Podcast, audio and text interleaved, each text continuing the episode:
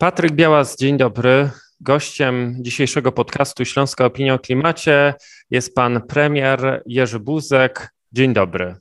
Dzień dobry, witam serdecznie. Panie premierze, po pierwsze gratulacje. Został pan sprawozdawcą Parlamentu Europejskiego w sprawie kluczowego rozporządzenia na temat unijnego rynku wodoru oraz gazu ziemnego i gazów odnawialnych a dodatkowo pokieruje Pan e, z ramienia Europejskiej Partii Ludowej pracami nad dyrektywą na ten sam temat. I chciałem przy tej okazji zapytać o to, dlaczego pakiet wodorowo-gazowy Unii Europejskiej jest tak ważny dla Polski i tak ważny dla Śląska. Warto sobie odpowiedzieć na to pytanie. E, dlaczego ten pakiet wodorowo-gazowy e, jest taki ważny dla Śląska także, dla całej Polski, dla całej Unii Europejskiej? A więc Mówimy teraz o wysokich cenach na energię, zwłaszcza w Polsce. Prawdę mówiąc, dlatego, że ją produkujemy z węgla. E, te emisje, które wpływają na koszty energii w Polsce, to wpływają, prawda, ale zanim wzrosły, i tak energia elektryczna w Polsce była najdroższa. Właśnie dlatego, że produkujemy ją z węgla. Dzisiaj znacznie taniej jest z wiatru czy ze słońca produkować energię elektryczną, czy z atomu. My przechodzimy w związku z tym na energetykę odnawialną. Po przyszłości chcemy mieć niższe ceny. Musimy zrobić tą wielką transformację energetyczną, przemysłową, w transporcie, w budownictwie, w rolnictwie nawet. Mówimy o tym na Śląsku cały czas. Mamy Fundusz Sprawiedliwej e, e, Transformacji, ale jeśli przejdziemy na energetykę odnawialną, to proszę pamiętać, że ona nie daje stałego zasilania, tak jak elektrownia węglowa, czy elektrownia gazowa, czy atomowa. Y, bo raz słońce świeci, raz nie, raz wiatr wieje, raz nie. Musimy magazynować energię. Na razie planujemy, że będzie to w bateriach, w akumulatorach, ale to ma ograniczony zasięg. Trudno wyładować, nie wiem, ciężarówkę czy samolot bateriami i z tymi bateriami ruszyć przez morze samolocie. To jest po prostu niemożliwe. Przyszłościowo, za 20-30 lat, to magazynowanie właśnie będzie w wodorze. Dlaczego? Dlatego, że z prądu, na przykład w nocy wieje, a prądu nie potrzebujemy, bo jest ciepło i, i środek nocy, to produkujemy z tego prądu wodór. To się da, to nie jest skomplikowane, no nie jest też całkiem tanie, ale niejako za darmo z energii wiatrowej produkujemy wodór, a w ciągu dnia, jak będzie na przykład potrzebny do napędzania samochodów, czy do napędzania naszych lodówek, a w ciągu dnia może nie wiać wiatr, albo słońce będzie słabo świecić, to wykorzystamy ten wodór do produkcji energii elektrycznej, czy do produkcji ciepła. Czyli w tym wodorze magazynujemy energię odnawialną. To jest cała zagadka to jest ten podstawowy nasz element wielkiej transformacji energetycznej, który przyszłościowo za 20-30 lat będzie dominował. Oczywiście teraz w najbliższych latach to będziemy mieli również baterie. Na Śląsku będziemy je produkować, akumulatory, samochody elektryczne. Zmieniamy w Tychach, zmieniamy w Gliwicach sposób produkcji. To nie silniki spalinowe, tylko elektryczne. I to ok, przejściowo na pewno to jest potrzebne, bo to się stanie szybko z napędem elektrycznym na przykład, ale przejście na wodór wymaga jednak wielkiej pracy, ale to jest naprawdę cała przyszłość naszej energetyki. Polska ma tu już doświadczenie, to jest bardzo ważne. My nie zaczynamy od zera, produkujemy tak zwany e, szary wodór i to w dużej, dosyć dużej ilości. E, I musimy się teraz wstrzelić, my, Polki, Polacy, przedsiębiorcy, a także cały przemysł na Śląsku, w jaki sposób wejść w tą produkcję energii w perspektywie 5 czy 10 lat, po to, żebyśmy się znaleźli na rynku jako tacy rozdający karty. A więc ten raport, zresztą jak dyskutujemy w Parlamencie Europejskim inne części raportu, y, system handlu emisjami, czy ten podatek węglowy na granicach, czy energetykę odnawialną, czy oszczędzanie energii, zawsze dyskusja kończy się na wodorze. Czy będziemy mogli wprowadzić tą energetykę wodorową i strategię wodorową w najbliższych pięciu czy dziesięciu latach, w jakim zakresie i jak nam to pomoże w magazynowaniu energii. Dlatego to ma tak wielkie znaczenie dla Śląska, dla Śląska również bardzo ważne. A czy rozmowa dzisiaj o dostawach gazu y, jest bezpieczna? Pytam o to zwłaszcza w kontekście konfliktu na granicy ukraińsko-rosyjskiej. Czy to naprawdę jest dobry moment na to, żeby taką dyskusję prowadzić i przygotowywać regulacje w tym zakresie? Panie redaktorze, zapytał Pan dokładnie o to, czego nie powiedziałem, bo my mówimy o produkcji wodoru i dysponowaniu wodoru, a nie produkcji czy, czy dysponowaniu gazem ziemnym. Gaz ziemny mamy w tej chwili. Oczywiście zależy od manipulacji, między innymi Gazpromu.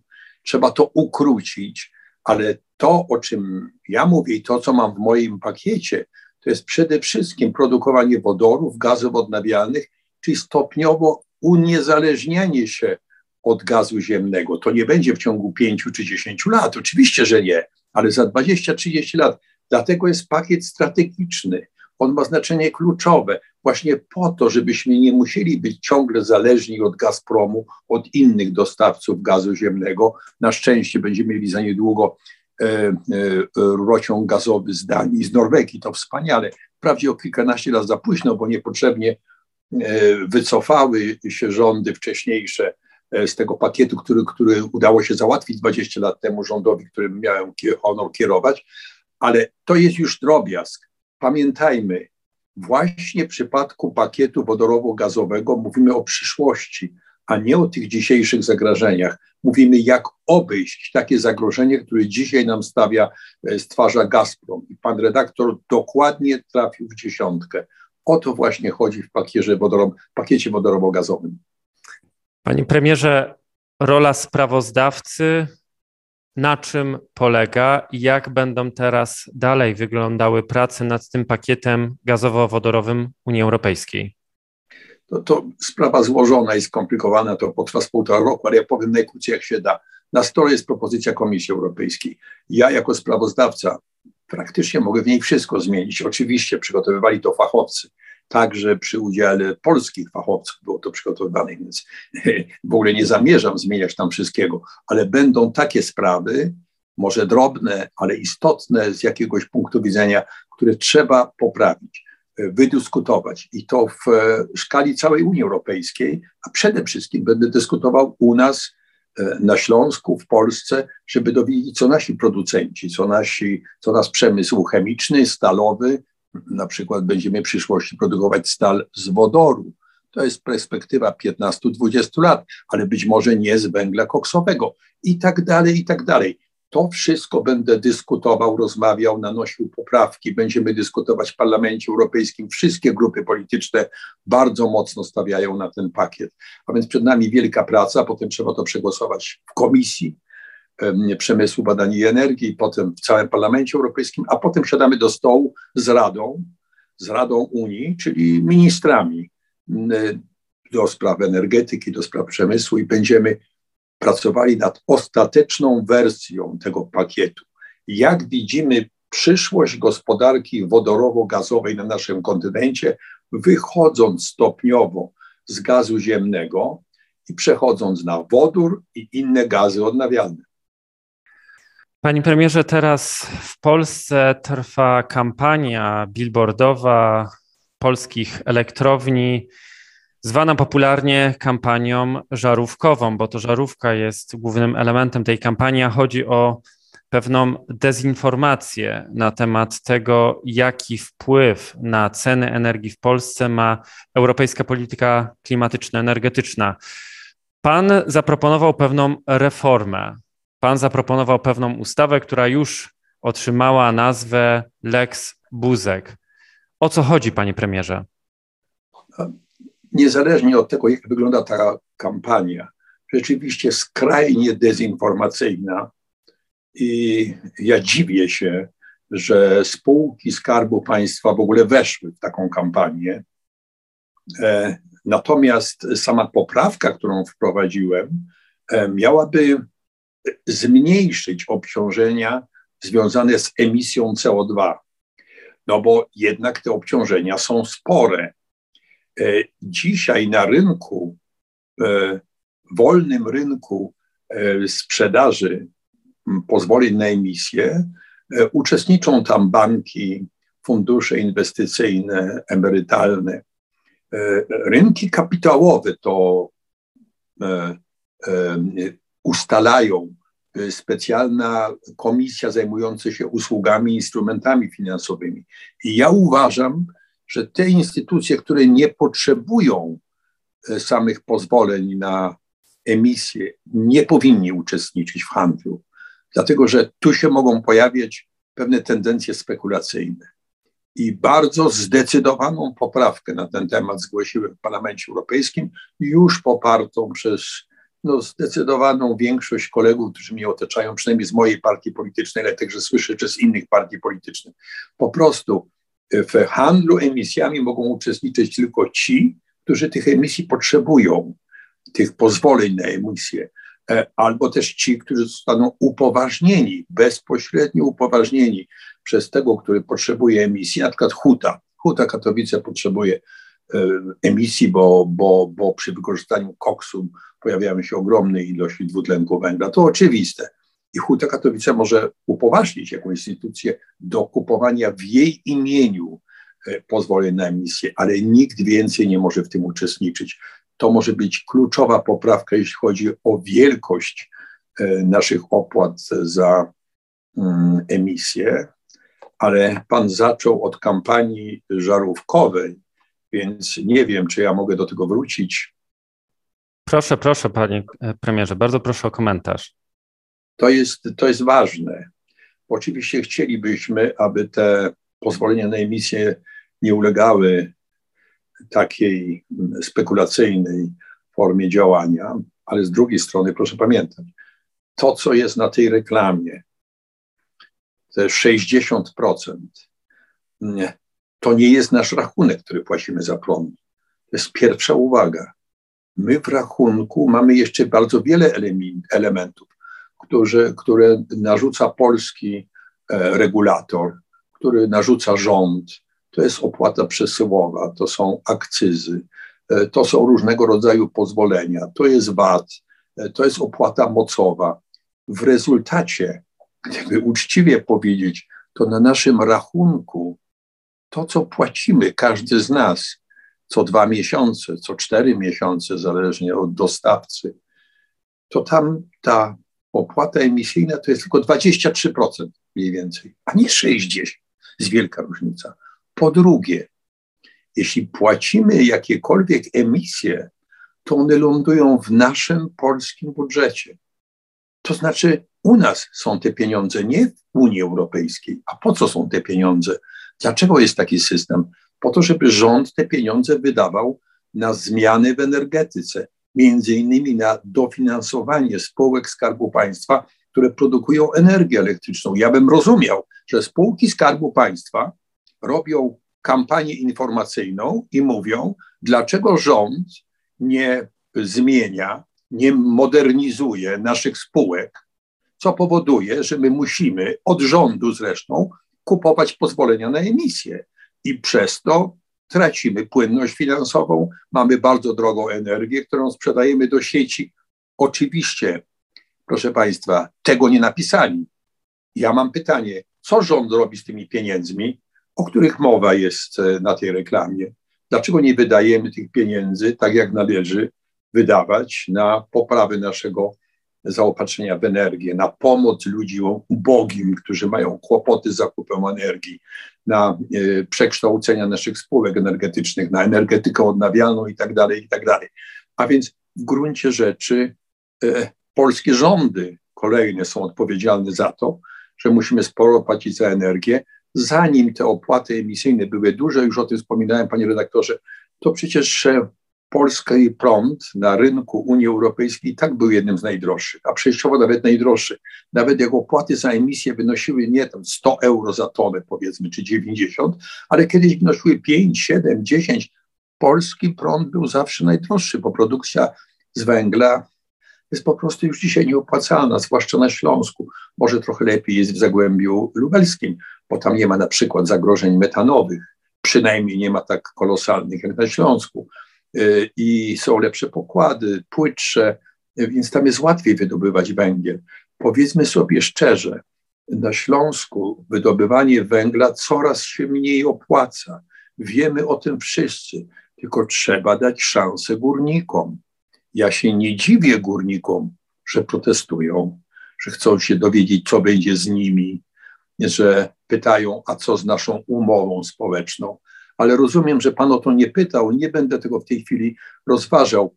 Y, chciałem tylko przyznać rację wielu postulatom górniczym y, i powiedzieć, że na tym polega cała odpowiedzialność rządu, który na przykład sześć lat temu wykreślił y, z naszych inwestycji, praktycznie wykreślił energetykę wiatrową na lądzie, do tego stopnia zniechęcił tą y, specjalną ustawą odległościową, do tego stopnia zniechęcił inwestorów prywatnych na lądzie energetyki wiatrowej, że oni się wycofali z Polski. Dzisiaj prawie nikt nie buduje dużych wiatraków i farm wiatrowych na lądzie. A w wielu krajach, w Danii, w Niemczech, w Wielkiej Brytanii, to, są, to jest dzisiaj podstawa zaopatrzenia w energię elektryczną. Zresztą to jest prąd niemal najtańszy, bo te farmy wiatrowe na morzu są jeszcze tańsze, ale pozostańmy przy lądzie. Dlaczego rząd wypędził wszystkich inwestorów? A więc to, że mamy dzisiaj drogą energię, to jest przede wszystkim odpowiedzialność rządu, także zapewne poprzednich rządów bo nie mieliśmy, mówmy to sobie poważnie, żeby, żeby to zabrzmiało. Od 2007 roku, kiedy prezydent Lech Kaczyński i premier Jarosław Kaczyński podpisali pakiet 3 razy 20 i weszliśmy jako kraj do, do polityki klimatycznej Unii Europejskiej w pełni to było 15 lat temu, naprawdę dawno. Potem w 2015 roku także obecne władze e, podpisały porozumienie paryskie. No, wiedzieliśmy, że w tym kierunku idziemy, a więc dzisiaj obciążanie Unii Europejskiej tym, że mamy najwyższe ceny energii, jest po prostu niestosowne, nieprawdziwe i wręcz krępuje mnie mówić, jak bardzo to przeczy prawdzie. I ja dlatego uważam, że ta kampania e, żarówkowa jest po prostu żenująca. Mówiliśmy troszeczkę o tej umowie społecznej i o umowie społecznej. Chciałem teraz porozmawiać. Mianowicie niedawno ukazał się raport takiego ośrodka badawczego, naukowego Wize Europa pod tytułem konieczny krok wpływ restrukturyzacji górnictwa na gospodarkę i bezpieczeństwo energetyczne. I eksperci w tym raporcie wskazują, że tak wynika z analiz regionalnych wskaźników gospodarczych, że z biegiem czasu wpływ górnictwa na gospodarkę województwa śląskiego słabnie. I gdybyśmy teraz poprosili pana premiera o takie uwagi, wskazówki, e, w jaki sposób poprawić, czy usprawnić, czy sprawić tak naprawdę, żeby ta transformacja energetyczna, której jesteśmy świadkami, była bardziej sprawiedliwa, a co za tym idzie, była bardziej społecznie akceptowalna? Panie redaktorze, ja przede wszystkim chciałem no, z wielkim szacunkiem wypowiedzieć się w ogóle o górnikach jako o zawodzie. E, przecież e, przez te mm, niemal 200 lat kiedy węgiel jest eksploatowany na Śląsku, no, nasz region się absolutnie zmienił. Proszę pamiętać, że przez długi okres lat 50., 60., 70. to jest prawie prehistoria, ale właściwie Polska węglem stała. My nie możemy o tym zapominać. Ciężka, niebezpieczna praca, do tej pracy zjeżdżali ludzie z całej Polski. To nie tylko Ślązacy, Zagłębiacy, ale, ale gromadziliśmy osoby, przecież wiadomo, w Tychach, czy, czy, czy w Żorach są całe osiedla osób, które przyjechały spoza, spoza Śląska dzisiaj czują się Ślązakami. To wspaniale, bo jak ich pytam, mówię, tak, ja jestem Ślązakiem, tu jest wspaniale, ja tu chcę mieszkać, tu chcę żyć, ale nie dziwmy się górnikom, że się boją o swoje miejsca pracy. Mają prawo. Ja mam pewne doświadczenie w tym zakresie, bo 20 parę lat temu pan premier Steinhoff, ja jako odpowiedzialny za rząd, prowadziliśmy reformę w ciągu e, dwóch, trzech lat, 23 kopalnie zostały wygaszone, górnicy wychodzili na własną prośbę, na własne życzenie. Nikogo nie zwalnialiśmy. To się da zrobić, ale z górnikami trzeba uczciwie rozmawiać. Trzeba mieć zaufanie górników. Jeśli niedawno polskie władze mówiły, że, węg że koło, węgiel jest kołem zamachowym polskiej gospodarki, że mamy węgla na 200 lat, z niego nie zrezygnujemy, a teraz ktoś im mówi, że, że trzeba w ciągu 20 czy 25 lat wyjść z węgla, no to się mają, mają prawo dziwić. Ja uważam, że są to ludzie wykwalifikowani, mają różne specjalizacje, to są ludzie wykształceni. Oni by sobie znaleźli pracę również w innych miejscach, chociaż niełatwo jest opuszczać ten zawód. Ja w rodzinie miałem górnika, doskonale wiem, jak to jest. Każdy z nas na Śląsku pewnie ma jakąś rodzinę czy bliskich, gdzie w szafie wisi mundur górniczy, może już nie, niewykorzystywany, nieużywany od szeregu, szeregu lat. Ale to jest niesamowita historia. Trzeba o tym pamiętać. Nikt z tego nie chce zrezygnować, a ludzie pracujący w górnicy mają prawo się domagać e, takiej prostej odpowiedzi, co z nami będzie. I tego chcą. Tego chcą dobrego pakietu socjalnego, takiego, który pozwoliłby im opuścić pracę w górnictwie, jeśli nie chcą dalej pracować, a jeśli chcą, to przenieść się na kopalnie, które mają szansę pracować dłużej. Trzeba o tym pamiętać, że jeśli się zaproponuje taki pakiet, i w przyszłości będziemy przechodzili szybciej na energetykę odnawialną, będziemy również stosowali gaz, bo dzisiaj możemy, nawet będzie dofinansowanie komercyjne czy unijne dla pewnych inwestycji gazowych, chociażby w ciepłownictwie, to, to, to, to ważne jest, żeby górnicy mieli swoją przyszłość przed sobą, żeby im jasno tą przyszłość pokazać, żeby to robić w sposób uczciwy. Moim zdaniem lepiej się opłaca zaproponować pakiet socjalny górnikom, taki, który ich zachęci ewentualnie do zmiany zawodu czy pójścia na wcześniejszą emeryturę. E, I za resztę pieniędzy inwestować w transformację naszej energetyki, niż płacić ogromne, bajońskie sumy na dofinansowanie wydobycia węgla na Śląsku. To wydobycie jest bardzo drogie. Przecież musimy uniknąć wypadków, a one grożą w każdej kopalni, gdzie mamy metan. To nie ma każdej na Śląsku. E, te, te, te stacje odmetanizowane, jak one się nazywają, są dzisiaj bardzo zagrożone, bo ilości metanu, które my w Polsce wskutek eksploatacji y, węglowej wysyłamy do atmosfery, to są groźne dla, dla, dla środowiska. Wiemy o tym od dawna, a więc jest wiele powodów, żeby zapro zaproponować właściwy, dobry pakiet socjalny, a resztę pieniędzy przeznaczyć na przechodzenie na inny rodzaj energii, zapewnić górnikom miejsca pracy atrakcyjne, tak jak na przykład w katowickiej specjalnej strefie ekonomicznej, i to by rozwiązało problem, bo dopłaty i staranie się o dopłaty o, da, do, do wydobycia węgla przez następne dwa czy dwa i pół dziesięciolecia jest po prostu nieodpłacalny. Poza tym górnicy stopniowo i tak będą wychodzili z tego zawodu. W tym zawodzie za, sądzę, 20, może nawet za 15 lat nie będzie miał kto pracować. A dzisiaj górnicy znajdą sobie dobre zatrudnienie gdzie indziej, tylko trzeba im podać ofertę trzeba się nimi zająć. Bardzo dziękuję za tę rozmowę. Ja tym, którzy nie rozpoznali tego głosu, chciałem przypomnieć, że gościem dzisiejszej Śląskiej Opinii o Klimacie był pan profesor Jerzy Buzek, poseł do Parlamentu Europejskiego, od wczoraj sprawozdawca pakietu wodorowo-gazowego Unii Europejskiej, były przewodniczący Parlamentu Europejskiego i były premier Rzeczpospolitej. Bardzo dziękuję za rozmowę. Dziękuję, dziękuję bardzo.